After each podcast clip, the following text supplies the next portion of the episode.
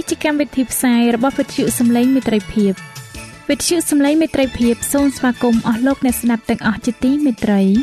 នាងខ្ញុំសេកសុចិន្តាវតី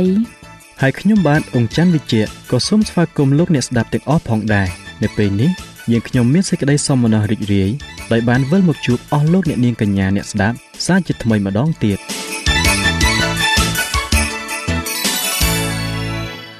នាងខ្ញុំសេកសុចិន្តាវតី សូមជម្រាបជូនកម្មវិធីផ្សាយដែលមានជាបន្តបន្ទាប់ដូចតទៅនេតិជួបជាមួយព្រះបន្ទូលនេតិស្ពានជីវិត ចា៎លោកអ្នកស្ដាប់ជាទីមេត្រី នាងខ្ញុំសូមគោរពអញ្ជើញអស់លោកលោកស្រី អ្នកនាងកញ្ញាតាមដានស្ដាប់កម្មវិធីផ្សាយរបស់វិទ្យុយើងខ្ញុំដូចតទៅ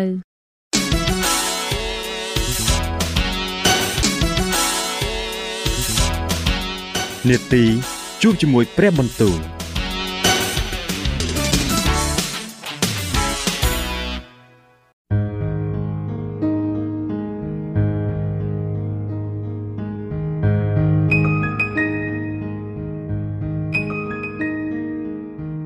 ចា៎អស់លោកអ្នកស្ដាប់ជាទីមេត្រី ជាដំបូង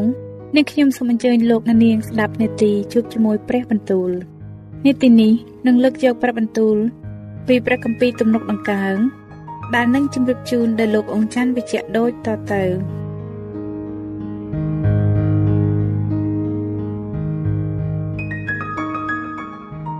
ព្រះគម្ពីរទំនុកដំកើងចំពោះទី21អោព្រះយេហូវ៉ាអើយទូបង្គំដ៏ជាស្ដេចនឹងមានសេចក្តីអំណរចំពោះឫទ្ធានុភាពនៃទ្រង់ហើយនឹងរីករាយសប្បាយជាខ្លាំងចំពោះសេចក្តីសង្គ្រោះនៃទ្រង់យ៉ាងណាណោ ទ្រង់បានប្រោះឲ្យបានដូចបំណងហើយមិនបានរងនឹងប្រទៀនតាមសេចក្តីដែលបបោមាត់សូមឡើយ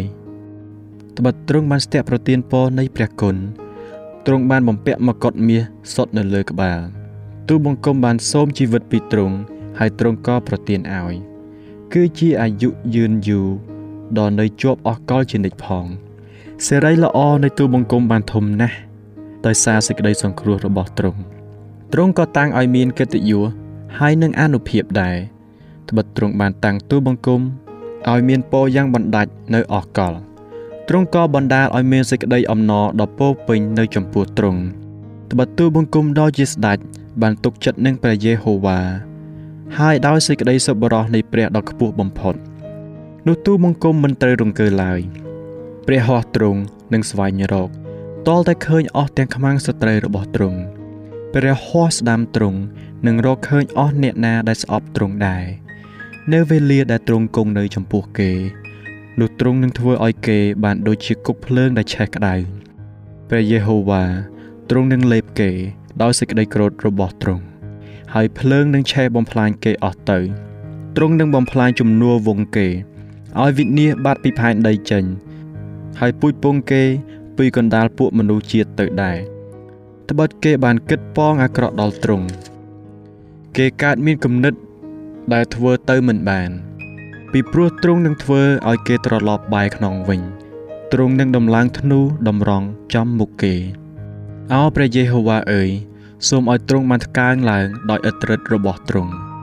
នោះយើងខ្ញុំនឹងច្រៀងសរសើរពីព្រះចេស្តានៃទ្រង់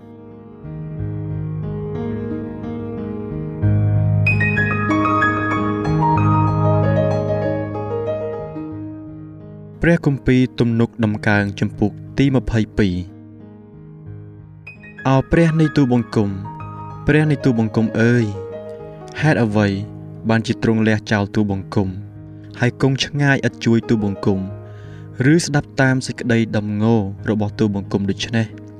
អោព្រះនៃទូបង្គំអើយទូបង្គំអំពាវនាវនៅពេលថ្ងៃ តែទ្រង់មិនមានបន្ទូលឆ្លើយមកសោះក៏ស្រែកនៅពេលយប់ផង តែទូបង្គំមិនចេះស្រាកស្បើយឡើយប៉ុន្តែអោព្រះដែលបានតាំងឡើង ក្នុងទំនុកសរសើររបស់អ៊ីស្រាអែលអើយទ្រង់បរិសុទ្ធពួកអាយកោយើងខ្ញុំបានទុកចិត្តនឹងទ្រង់គេបានទុកចិត្តហើយទ្រង់បានប្រោះឲ្យរួច គេបានអំពាវនាវដល់ទ្រង់ហើយបានរួចចេញ គេបានទុកចិត្តនឹងទ្រង់ហើយមិនត្រូវខ្មាស់ឡើយ ចំណែកទូបង្គំទូបង្គំជាដង្កូវ មិនមែនជាមនុស្សទេ ជាទីថ្មេះតេះដៀលរបស់មនុស្សហើយជាទីស្អប់ខ្ពើមនៃពួកបណ្ដាជនអស់អ្នកដែលឃើញទូបង្គំក៏ឡកលើយឲ្យគេបូនមាត់ហើយគ្រវីក្បាលដោយថា វាបានទុកចិត្តនឹងព្រះយេហូវ៉ាថាទ្រង់នឹងប្រោះឲ្យរួច ចូលឲ្យទ្រង់ជួយសង្គ្រោះវាចោះត្បិតវាបានយកទ្រង់ជាទីគប់ចិត្តហើយប៉ុន្តែ គឺទ្រង់ដែលបានធ្វើឲ្យទូបង្គំចេញពីផ្ទៃម្ដាយមក ទ្រង់បានឲ្យទូបង្គំទុកចិត្តក្នុងការដែលនៅបៅដោះម្ដាយនៅឡើយទូបង្គំបានត្រូវទម្លាក់លើទ្រង់តាំងពីផ្ទៃម្ដាយមក តាំងពីម្ដាយសម្រាលទូបង្គំមក នោះទ្រង់ជាព្រះនៃទូបង្គំហើយសូមគំគង់ឆ្ងាយពីទូបង្គំឡើយ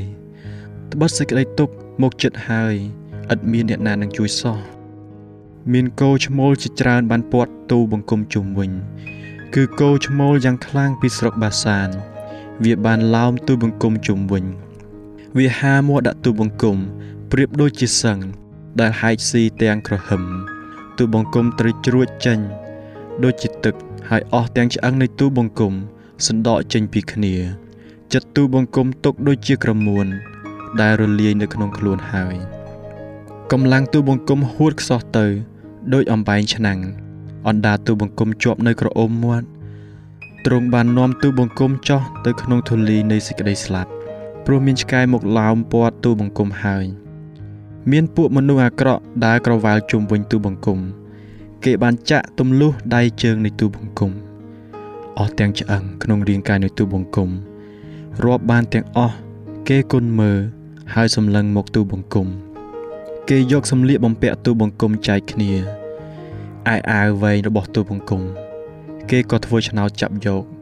អោព្រះយេហូវ៉ាអើយសូមគុំគង់ឆ្ងាយពីទូបង្គំឡើយអោព្រះដ៏ជាកម្លាំងនៃទូបង្គំអើយសូមយាងមកជួយទូបង្គំជាប្រញាប់ផងសូមដោះប្រលឹងទូបង្គំឲ្យរួចពីដាវហើយដួងជីវិតនៃទូបង្គំឲ្យរួចពីកំណាចឆ្កែសូមជួយសង្គ្រោះទូបង្គំចេញពីមាត់សឹងអាឲ្យរួចពីស្នែងគោព្រៃផងត្បិតទ្រង់បានស្ដាប់ទូបង្គំហើយទូបង្គំនឹងប្រកាសប្រាប់ពីព្រះនាមទ្រង់ដល់ពួកបងប្អូន ទូបង្គំនឹងសរសើរដំកើងទ្រង់នៅកណ្ដាលពួកជំនុំឯអ្នករាល់គ្នាដែលកោតខ្លាចដល់ព្រះយេហូវ៉ាអើយចូលសរសើរទ្រង់ចោះអស់អ្នកដែលជាពូជយ៉ាកុបអើយចូលដំកើងទ្រង់ឡើងអស់ពូជពងនៃអ៊ីស្រាអែលអើយចូលកោតខ្លាចនៅចំពោះទ្រង់ចោះត្បិតទ្រង់មិនបានមើងងាយឬខ្ពើមឆ្អើម ចំពោះសេចក្តីទុក្ខលំបាករបស់មនុស្សដែលគេរងទុក្ខនោះឡើយក៏មិនបានលាក់ព្រះភ័ក្រនឹងអ្នកនោះដែរគឺកាលអ្នកនោះបានអំពាវនាវរកទ្រង់នោះទ្រង់បានស្ដាប់តាមទ្រង់ជាដើមហេតុនៃការដែលទូបង្គំសរសើរនៅក្នុងជំនុំធំទូបង្គំនឹងលាបំណន់របស់ទូបង្គំនៅចំពោះមុខពួកអ្នកដែលកោតខ្លាចដល់ទ្រង់ឯមនុស្សរៀបទៀបគេនឹងបានបរិភោគឆ្អែតឯអ្នកដែលស្វែងរកព្រះយេហូវ៉ា នឹងសរសើរដល់ទ្រង់សូមឲ្យចិត្តអ្នករាល់គ្នាប្រកបដោយសេចក្តីចម្រើនជានិច្ចគ្រប់ទាំងទីបំផុតនៃផែនដីនឹងនឹកដល់ព្រះយេហូវ៉ាហើយត្រឡប់បែរមកឯទ្រង់អស់ទាំងពូជពងនៃនគរទាំងឡាយនឹងថ្វាយបង្គំនៅចំពោះទ្រង់ត្បិតអំណាចគ្រប់គ្រងជារបស់ផងព្រះយេហូវ៉ាទ្រង់ជាចៅវាយលើអស់ទាំងនគរអស់អ្នកមានចិត្តស្កប់ស្កល់នៅផែនដីនឹងបរិភោគព្រមទាំងថ្វាយបង្គំផង អស់អ្នកដែលចោះទៅក្នុងធូលីនឹងអោនក្រាបនៅចំពោះទ្រង់ហើយទាំងអ្នកដែលមិនអាចនឹងរក្សាជីវិតខ្លួនបានផងនឹងមានពូជពងមួយគោរពប្រតិបត្តិដល់ទ្រង់គេនឹងថ្លែងប្រាប់ពីព្រះអង្គម្ចាស់ដល់ដំណរមនុស្សក្រោយតទៅ គេនឹងមកហើយនឹងប្រាប់ពីសេចក្តីសុចរិតរបស់ទ្រង់ដល់មនុស្សមួយពួកដែលមិនទាន់កើតមកថា គឺទ្រង់ដែលបានធ្វើការនោះ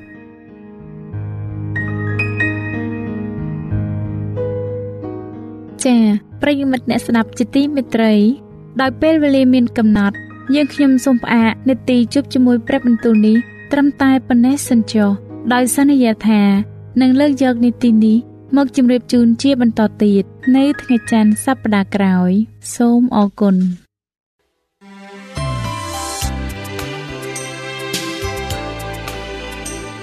វិទ្យុសំឡេងមេត្រីភាព AWR ជាវិទ្យុដែលនាំមកពី ក្នុងការនាំព្រះរាជសាររបស់ព្រះជាម្ចាស់សម្រាប់លោកអ្នក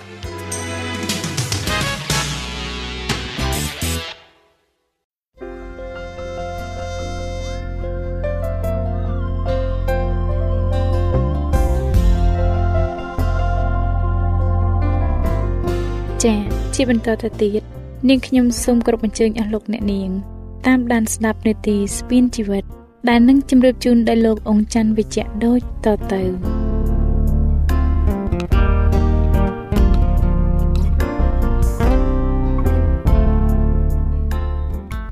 ខ្ញុំបាទសូមជម្រាបសួរអស់លោកអ្នកស្ដាប់ជាទីមេត្រីសូមឲ្យលោកអ្នកបានប្រកបដោយព្រះគុណនិងសេចក្តីសុខសាន្តអំពីព្រះដ៏ជាព្រះវរបិតានៃយើង ហើយអំពីព្រះអម្ចាស់យេស៊ូវគ្រីស្ទខ្ញុំបាទមានអំណរណាស់ដែលវិលមកជួបលោកអ្នកក្នុងនេតិស្ពានជីវិតនេះសារជាថ្មីម្ដងទៀតហើយនៅថ្ងៃនេះខ្ញុំបាទសូមលើកយកមេរៀនទី12ដដែលតែភាគទី2ជាភាគបញ្ចប់ដែលនិយាយពីសុខភាព បាទមនុស្សយើងម្នាក់ម្នាក់ត្រូវការសុខភាពជាចាំបាច់បើសុខភាពមិនល្អទេទោះមានលុយកាក់ច្រើនប៉ុណ្ណាក៏គ្មានក្តីសុខដែរកាលពីភាគទី1ខ្ញុំបាទបានជម្រាបជូនលោកអ្នកពីចំណុចទី1ករួចមកហើយដែលនិយាយពីចំណុចអាហារពិសេសចំពោះសាច់ស្អាត និងសាច់មិនស្អាត ហើយពេលនេះខ្ញុំបាទនឹងជម្រាបជូនលោកអ្នកពីចំណុចទី1ខជាបន្តទៅទៀត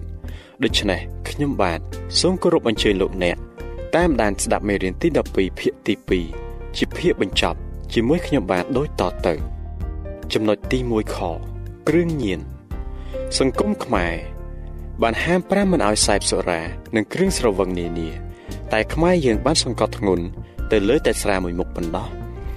តាមនិយមន័យរបស់ពាក្យថាគ្រឿងញៀនគឺជាអវ័យអ្វីដែលធ្វើឲ្យយើងចេះតែចង់ដោយអត់មិនបានរបស់ដែលធ្វើឲ្យយើងញៀនមានបារី ស្រា ស្លាម្លូតែកាហ្វេកញ្ឆាអាភៀនជាដើមក្នុងភាសាអង់គ្លេសមានពាក្យមួយគឺ drug ដោយគេរាប់បញ្ចូលថ្នាំពេទ្យខ្លះទៅក្នុងពពួកគ្រឿងញៀនដែរតើមានតែគ្រឿងញៀនធំធំដូចជាអាភៀនជាដើមនោះទេឬដែលធ្វើឲ្យយើងខូចសុខភាពតាមការសិក្សាបញ្ជាក់ថា អ្វីដែលធ្វើឲ្យរាងកាយយើងខុសធម្មតានោះគឺប៉ះពាល់ដល់សុខភាពទាំងអស់ ឧទាហរណ៍ថា ក្នុងមួយម៉ោងយើងបានដើរ10គីឡូម៉ែត្រតែបើយើងដើរដល់20គីឡូម៉ែត្រនោះធ្វើឲ្យយើងអស់កម្លាំងណាស់តែបើយើងដើរតែ5គីឡូម៉ែត្រទេនោះវាធ្វើឲ្យយើងលែងរហ័សរហួនដែរមិនខុសគ្នាពីរាងកាយយើង ដែលជួនកាលយើងចង់ឲ្យខ្លាំងដោយទទួលទានសូរ៉ាឬចង់ឲ្យមានប្រាជ្ញាដោយទទួលទានបារីដូច្នោះដែរតាមការស្រាវជ្រាវបង្ហាញថាបារីមួយដើមកាត់បន្ថយអាយុអស់5នាទីកន្លះ ហើយគិតជាមធ្យមមួយដើមថ្លៃ50រៀលបើមួយថ្ងៃលោកអ្នកពិសាបារីមួយកញ្ចប់នោះលោកអ្នកកាត់បន្ថយអាយុលោកអ្នក1ម៉ោង50នាទីគ្រឿងញៀនទាំងនោះជារបស់ឥតប្រយោជន៍ដែលខ្មែរយើងហៅថា ជាពួកដែលស៊ីមិនធាត់អត់មិនស្គមតែបើគ្រាន់តែស៊ីមិនធាត់ហើយអត់មិនស្គមនោះវាមិនអីទេ តែបើស៊ីក៏មិនធាត់អត់ក៏មិនស្គមលុយក៏អស់អាយុក៏ខ្លីនោះ យើងយល់ថាគួរតែឈប់ទៅទៅបានល្អរីឯស្រាវិញក៏ធ្វើឲ្យលោកអ្នកខាត់បងច្រើនណាស់ដែរដូចជាលុយកាក់ដោយទិញស្រា និងទិញថ្នាំព្យាបាលនៅពេលមានជំងឺខូចសុខភាពដូចជាប្រព័ន្ធសរសៃប្រសាទរបស់ខួរក្បាលនិងបាត់បង់សេចក្តីសុខសាន្តក្នុងគ្រួសារឬកិត្តិយសជាដើមផងព្រះគម្ពីរសុភាសិតចំពុកទី20ខ21បានសម្ដែងថាឯស្រាតាពាំងបាយជូរជារបស់បញ្ឆោតមើលងាយ ហើយគ្រឿងស្រវឹងបង្កើតការលោឡាអ្នកណាដែលវង្វេងនៅគ្រឿងទាំងពីរនោះឈ្មោះថាគ្មានប្រាជ្ញាក្រៅពីនេះមានគ្រឿងញៀនមួយចំនួនទៀតដែលបណ្ដាលឲ្យមានគ្រោះថ្នាក់ដូចជាថ្នាំសម្រាបឬថ្នាំកម្លាំងជាដើមចំណុចទី1កោអនាម័យមានពាក្យមួយឃ្លាយ៉ាងល្បីល្បាញដែលតាក់ទងទៅនឹងសុខភាពគឺការពីប្រសើរជាងព្យាបាលហើយកាលណាយើងនិយាយពីការការពារនេះ យើងដឹងរួចទៅហើយថា មានវិធី2 គឺចាក់ថ្នាំបង្ការ និងមានអនាម័យអនាម័យចែកចេញជាពីរគឺអនាម័យសាធារណៈនិងអនាម័យផ្ទាល់ខ្លួន ហើយបញ្ហាចាំបាច់ដែលធ្វើឲ្យយើងមានសុខភាពល្អនោះគឺជាអនាម័យផ្ទាល់ខ្លួន យើងដឹងហើយថាសប្តាហ៍ថ្ងៃនេះលោកអ្នកកំពុងតែរវល់មកមានញឹកគ្រប់គ្រប់គ្នាក្នុងការសិក្សាឬប្រកបរបររកស៊ីផ្សេងផ្សេងតែសូមលោកអ្នកកុំភ្លេចថែទាំសុខភាពផ្ទាល់ខ្លួនរបស់លោកអ្នកព្រោះភាគច្រើន ជំងឺតែងកើតឡើងដោយសារមេរោគហើយមេរោគទាំងនោះនឹងមិនអាចរំខានដល់លោកអ្នកបានទេ កាលណាលោកអ្នកមានអនាម័យល្អបើសិនជាលោកអ្នកមានអនាម័យល្អអនាម័យទៅលើទឹកសម្រាប់ពិសាទឹកជាសារជាតិចាំបាច់បំផុតនៅក្នុងខ្លួនយើងបើខ្វះជាតិទឹកធ្វើឲ្យយើងមានជំងឺជាច្រើនប្រការដូចជាឈឺក្បាលអស់កម្លាំងគ្រោះក្នុងតម្រងនោមជាដើមដូច្នេះសូមលោកអ្នកពិសាទឹកឲ្យបានគ្រប់គ្រាន់គឺយ៉ាងតិច2លីត្រក្នុងមួយថ្ងៃ ហើយទឹកដែលលោកអ្នកពិសានោះគឺជាទឹកស្អាតឬទឹកដាំពុះពី10ទៅ15នាទីគ្មានអ្នកណាម្នាក់មិនពិសាទឹកនោះទេរៀងរាល់ថ្ងៃនេះ តែបើទឹកមិនស្អាត តែមួយថ្ងៃមួយថ្ងៃលោកអ្នកយកមេរោគអ្វីខ្លះចូលក្នុងខ្លួនគូបញ្ជាក់ផងដែរថានៅពេលដែលលោកអ្នកមានជំងឺរាគសូមពិសាទឹកឲ្យបានច្រើនជាងធម្មតាយើងជឿថាការដាំទឹកជាការការពារការដាំទឹកជាការពិបាកបន្តិច ជាពិសេសចំពោះគ្រួសារដែលក្រីក្រ តែយើងជឿថាការពិបាកដោយដាំទឹកវាស្រួលជាងការមានជំងឺអនាម័យទៅលើចំណីអាហារចំណីអាហារល្អមិនមែនតែចំណីអាហារណាដែលថ្លៃនោះទេលោកអ្នកអាចមានចំណីអាហារដែលលោកអ្នកមានដូចជា បន្លែបង្ការមកទទួលទានបានដោយយករបស់ទាំងនោះមកលាងឲ្យស្អាតជាមួយទឹកស្អាតឬចម្អិនឲ្យឆ្អិនល្អហើយគ្របទុកឲ្យបានជិតល្អជៀសវាងរុយទុំឬកណ្ដុរកន្លាតវាលើឡាក់ ចំណីអាហារថ្លៃខ្លះអាចបំផ្លាញសុខភាពយើងបាន តែចំណីអាហារខ្លះដែលមិនសូវថ្លៃនោះអាចផ្ដល់សុខភាពល្អជូនលោកអ្នកទៅវិញសូមកុំពិសាសាច់សត្វដែលគ្មានក្រចកឆែកនិងមិនទំពីអៀងនិងត្រីដែលគ្មានស្រកានិងព្រុយព្រោះព្រះបានហាមថាជាសាច់មិនស្អាតអនាម័យទៅលើខ្លួនប្រាណមេរោគមានទំហំតូចបំផុតមិនអាចមើលឃើញទេដូច្នេះសូមលោកអ្នកចាំថាវានៅជាប់នឹងដៃរបស់លោកអ្នកជានិច្ច សូមលោកអ្នកលាងដៃនឹងសាប៊ូឬជាមួយនឹងផេះកំខានឲ្យសោះមុនពេលបរិភោគអាហារជាពិសេសក្រោយពេលបន្ទោបងលាមុខរួចម្យ៉ាងវិញទៀតដើម្បីឲ្យងាយស្រួលក្នុងការលាងដៃនេះសូមលោកអ្នកកាត់ក្រចកឲ្យបានខ្លីជានិច្ចលោកអ្នកខ្លះប្រហែលជាមិនស្របចំពោះបញ្ហានេះទេព្រោះលោកអ្នកជាកម្មករកសិករឬអ្នករកស៊ីលក់ដូររវល់តែទៅរកទឹកសាប៊ូលាងដៃមុនពេលបរិភោគឯណាបើជួនកាលទទួលទាននៅកណ្ដាលផ្សារ ឬកណ្ដាលវាលស្រែនោះវាពិបាកបន្តិចមែនតែវាអាចធ្វើឲ្យលោកអ្នកជៀសផុតពីជំងឺបានចំណុចទី1ខវិធីព្យាបាលពិតមែនតែយើងប្រើវិធីការពារហើយមែនតែយើងក៏មិនចោលការព្យាបាលដែរគ្រាន់តែយើងព្យាបាលឲ្យបានត្រឹមត្រូវលោកអ្នកខ្លះប្រហែលជាមានសំណួរមួយថាតើព្យាបាលត្រឹមត្រូវយ៉ាងណាកើតបើខ្ញុំក្រយ៉ាងនេះនោះព្រោះតែក្រនេះហើយទើបយើងត្រូវការព្យាបាលឲ្យត្រឹមត្រូវ ព្រោះការព្យាបាលត្រឹមត្រូវនេះអស់លុយតិចហើយជាបានយូរផងជាវៀងដាច់ខាតមិនត្រូវហ៊ានប្រើថ្នាំដោយខ្លួនឯងឡើយជាពិសេសថ្នាំពួកអង្គទីបយូទិកជាថ្នាំផ្សះខ្ញុំសូមលើកឧទាហរណ៍មួយអំពីកម្មកររមាក់ម្នាក់ដែលកង់គាត់ធ្លីគាត់ថាគាត់អត់លុយគាត់មិនទៅរកជាងទេគាត់សុកចិត្តទិញចោការមកប៉ះខ្លួនឯងបានតែ2 3ថ្ងៃធ្លីទៀតធ្វើឲ្យគាត់មិនបានរកលុយឡើយគាត់ក៏ប៉ះកង់ខ្លួនឯង ប្រហែលជាង10បំណាស់បើគិតជាលុយទិញសម្ភារៈអស់ប្រហែល5000រៀលបើគិតជាពេលអស់ប្រហែលជា5ម៉ោងតែបើគាត់យកពេលនោះទៅរកលុយហើយបូកជាមួយលុយដែលគាត់ចំណាយឲ្យទៅជាងទិញកាស៊ូដាក់នោះវាមិនល្អជាងទេឬអីចុះតើសុខភាពលោកអ្នកវាមិនពិសេសជាងពោះវៀនកង់រមាក់ទេឬអីដូច្នេះគួរកុំទិញថ្នាំលេបខ្លួនឯងឲ្យសោះសូមបញ្ជាក់ថាថ្នាំពេទ្យខ្លះអាចនាំឲ្យខូចសុខភាព បើលោកអ្នកមិនចេះប្រើវា ចំណុចទី1ងព្រះハរតីព្រះចំពោះសុខភាពមនុស្សប្រសិនបើមានកុមារម្នាក់ចិញ្ចឹមសត្វសារិកាមួយហើយមានអ្នកណាយកចំណីមិនល្អមកឲ្យវាស៊ីឬធ្វើឲ្យសារិកានោះឈឺតើកុមារនោះសប្បាយចិត្តឬទេក្មេងនោះពិតជាមិនសប្បាយចិត្តទេ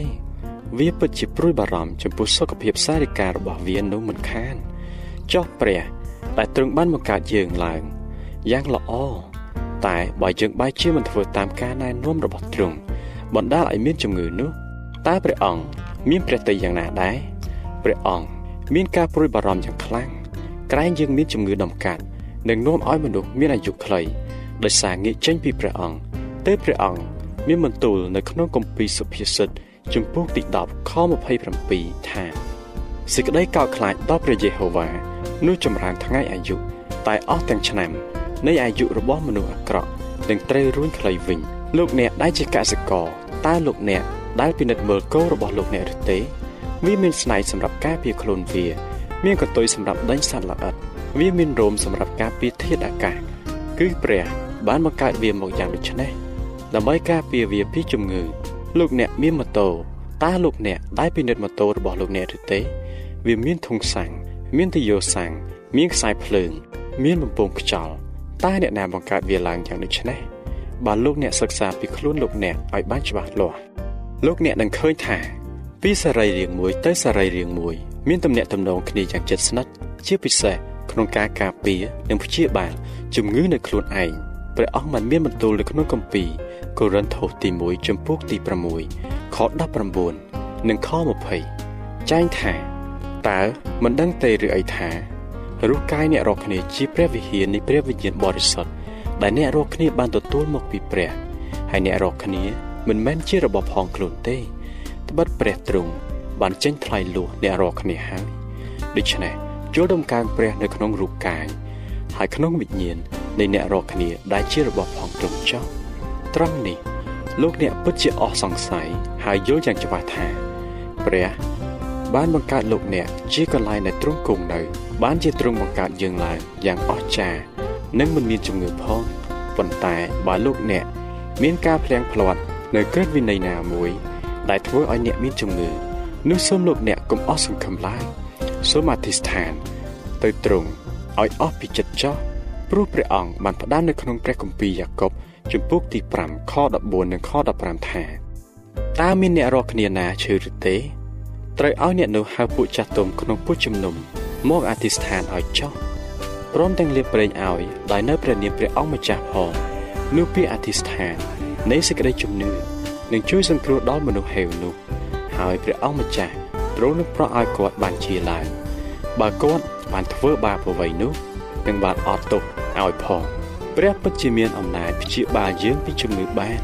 សូមលោកអ្នកទុកចិត្តលើទ្រង់ចោះចំណុចទី2 លោកអ្នកជាគ្រូពេទ្យតើលោកអ្នកមានបងប្អូនឬមិត្តភ័ក្តិធ្វើជាគ្រូពេទ្យឬទេ បើមាន លោកអ្នកប្រហែលជាមិនសូវខ្វល់ខ្វាយពីជំងឺទេ តែបើលោកអ្នកដែលគ្មានបងប្អូនឬមិត្តភ័ក្តិធ្វើជាគ្រូពេទ្យវិញតើលោកអ្នកតែងទៅព្យាបាលជំងឺនៅឯណាដែរព្រះគម្ពីរម៉ាឡាគីចំពុកទី4ខ2បានបង្ហាញពីគ្រូពេទ្យនោះថា តែព្រះអាទិត្យនៃសេចក្តីសុចរិតនឹងរះឡើង មានទាំងអំណាចប្រោះឲ្យជានៅក្នុងចំអេងស្លាប់ សម្រាប់ឯងរកគ្នាដោយកោតខ្លាចដល់ឈ្មោះឯងនោះឯងរកគ្នានឹងចេញទៅលោតកញ្ឆេងដូចជាកូនគោដែលលែងចេញពីក្រោលព្រះអាទិត្យនៃសេចក្តីសុចរិតគឺជាព្រះយេស៊ូវហើយនៅក្នុងជីវិតរបស់ព្រះយេស៊ូវព្រះអង្គបានព្យាបាលមនុស្សឲ្យជាពីជំងឺជាច្រើននៅពេលព្រះបានបង្កើតរាងកាយលោកអ្នកទ្រង់បានបង្កើតវិជ្ជបណ្ឌិតម្នាក់មកជាមួយដែរដែលលោកអ្នកទៅហួសមកហួសដោយមិនស្គាល់លោកគ្រូពេទ្យនោះសោះលោកគ្រូពេទ្យនោះ គឺជាគ្រាប់ឈាមសគ្រូពេទ្យនេះនៅក្នុងសរសៃឈាមរបស់លោកអ្នកកាលណាមានមេរោគចូលទៅ វាសម្លាប់មេរោគពីខាងក្រៅនោះភ្លាមតែជួនកាលវាចាញ់មេរោគពីខាងក្រៅដោយវាខ្សោយ ហើយជួនកាលថ្នាំដែលលោកអ្នកលេបមិនត្រឹមត្រូវនោះធ្វើឲ្យវាកាន់តែខ្សោយជាងមេរោគពីខាងក្រៅហេតុនេះសូមលោកអ្នកស្គាល់គ្រូពេទ្យក្នុងខ្លួនអ្នកឲ្យបានច្បាស់ហើយជួយធ្វើយ៉ាងណាកុំឲ្យគ្រូពេទ្យនោះចុះខ្សោយឡើយ ដោយមិនលេបថ្នាំផ្ដេសផ្ដាសមិនវិសាគ្រឿងញៀនមានស្រា ឬបារីជាដើមហើយសូមឧស្សាហ៍ហាត់ប្រាណឲ្យបានទៀងទាត់បងប្អូនជាទីស្រឡាញ់ទាំងឡាយបើមីងកែវបានរៀនមេរៀននេះប្តីគាត់ប្រហែលជាមិនទាន់ស្លាប់ទេ ហើយកូនគាត់ក៏មិនមានជំងឺស្ទើរស្លាប់ស្ទើររស់ដូច្នោះដែរហើយយើងជឿថានេះជាសំណាងមួយយ៉ាងល្អរបស់លោកអ្នកដែលបានសិក្សាមេរៀននេះទាន់ពេលវេលាមុនពេលដែលគ្រួសារលោកអ្នក បានធ្លាក់ក្នុងសភាពអស់ផ្លូវដោយគ្រួសារមីងកែវយើងខ្ញុំសូមឲ្យលោកអ្នកចងចាំថាជំងឺធ្វើឲ្យលោកអ្នកខាត់បងច្រើនណាស់ដូចជាពេលវេលាលុយកាក់រហូតដល់អាយុជីវិតផងលើពីនេះទៅទៀតលោកអ្នកនឹងបាត់បង់ការងារដ៏ថ្លៃថ្នូរមួយ ដែលព្រះចង់ឲ្យលោកអ្នកបំពេញគឺធ្វើទីបន្ទាល់ពីទ្រង់ដល់លោកីទាំងមូលសូមលោកអ្នកគិតមើលបើលោកអ្នកឈឺតើលោកអ្នកអាចបង្រៀនគេពីអំណាចរបស់ព្រះ ក្នុងការព្យាបាលបានឬទេយើងខ្ញុំជឿថាមិនគ្រាន់តែមិនបានទេ តែជួនកាលថែមទាំងខឹងនឹងព្រះទៀតផង តែបើលោកអ្នកមានសុខភាពល្អលោកអ្នកអាចនៅជាប់ជាមួយព្រះអាចឈ្នះលើសេចក្តីល្បួងដោយសារតែលោកអ្នកមានទម្លាប់តាមការណែនាំរបស់ព្រះដូច្នេះសូមលោកអ្នកជ្រើសរើសការរស់នៅជាមួយអ្នកមានសុខភាពល្អចោះព្រះបានប្រទានច្បាប់ដើម្បីឲ្យមានសុខភាពល្អដល់លោកអ្នក និងទ្រង់ចាំជួយព្យាបាលលោកអ្នកជានិច្ចបាទអស់លោកអ្នកស្ដាប់ជាទីមេត្រីមុននឹងបញ្ចប់មេរៀននេះខ្ញុំបាទសូមជូននៅសំណួរខ្លះសម្រាប់លោកអ្នកធ្វើការពិចារណា សំណួរទី1ចុះរាប់សត្វដែលស្អាត ដែលមិនអាចបរិភោគបានឲ្យបាន5និងរាប់សត្វដែលមិនស្អាត ដែលព្រះបានហាមមិនឲ្យបរិភោគឲ្យបាន5សំណួរទី2ចុះរាប់គ្រឿងញៀនទាំងឡាយដែលអ្នកធ្លាប់បានឮឬស្គាល់ សំណួរទី3តើលោកអ្នកត្រូវធ្វើយ៉ាងណាខ្លះដើម្បីឲ្យមានសុខភាពល្អសំណួរទី4តើការប្រើប្រាស់ថ្នាំពេទ្យច្រើនពេកល្អឬទេព្រោះអ្វីសំណួរទី5ហេតុអ្វីបានជាអ្នកចាំបាច់ត្រូវតែថែរក្សាសុខភាពឲ្យបានល្អបាទអស់លោកអ្នកស្ដាប់ជាទីមេត្រី ពេលវេលានៃនីតិស្ពានជីវិតរបស់យើង បានមកដល់ទីបញ្ចប់ហើយមេរៀនស្ពានជីវិតចំពោះទី12 ដែលនិយាយពីការថែទាំសុខភាពរបស់អ្នកនៅពេលនេះក៏សន្មតថាចប់ដោយបរិបូរណ៍ហើយដែរហើយខ្ញុំបាទនឹងវិលមកជួបលោកអ្នកម្ដងទៀតនៅក្នុងនេតិរបស់យើងលើកក្រោយដោយនឹងនាំនៅចំពោះទី13មកជូនលោកអ្នកជាបន្តទៀតដូច្នេះសូមឲ្យព្រះជាម្ចាស់ប្រទានពរដល់អស់លោកអ្នកបងប្អូនទាំងអស់គ្នា សម្រាប់ពេលនេះខ្ញុំបាទអង្គច័ន្ទវិជ្ជៈសូមអរគុណសូមជម្រាបលា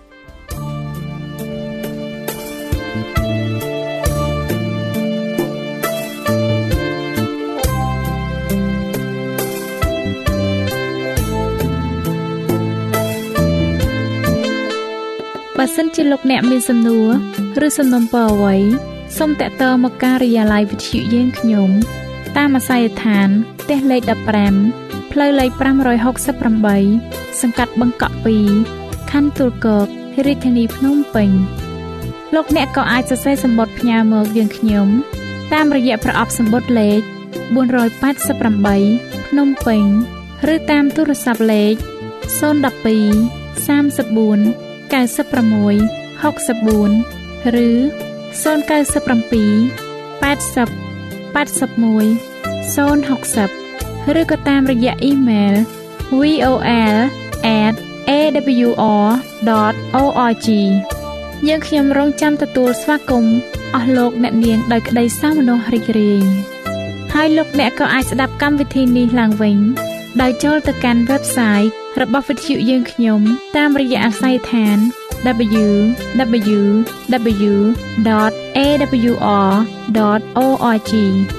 លោកអ្នកនាងកញ្ញាជាទីមេត្រីកម្មវិធីផ្សាយរបស់វិទ្យុសំឡេងមិត្តភាពនៅពេលនេះសូមបញ្ចប់តែប៉ុណ្ណេះយើងខ្ញុំសូមអរគុណចំពោះការតាមដានស្ដាប់របស់អស់លោកអ្នកតាំងពីដើមរហូតដល់ចប់យើងខ្ញុំសូមជូនពរឲ្យអស់លោកអ្នកនាងកញ្ញាទាំងអស់ បានចម្រើនឡើងក្នុងព្រះគុណព្រះអង្គម្ចាស់ហើយក្នុងការទទួលយកព្រះយេស៊ូវគ្រីស្ទជាព្រះអង្គម្ចាស់និងជាព្រះអង្គសង្គ្រោះនៃយើងរាល់គ្នា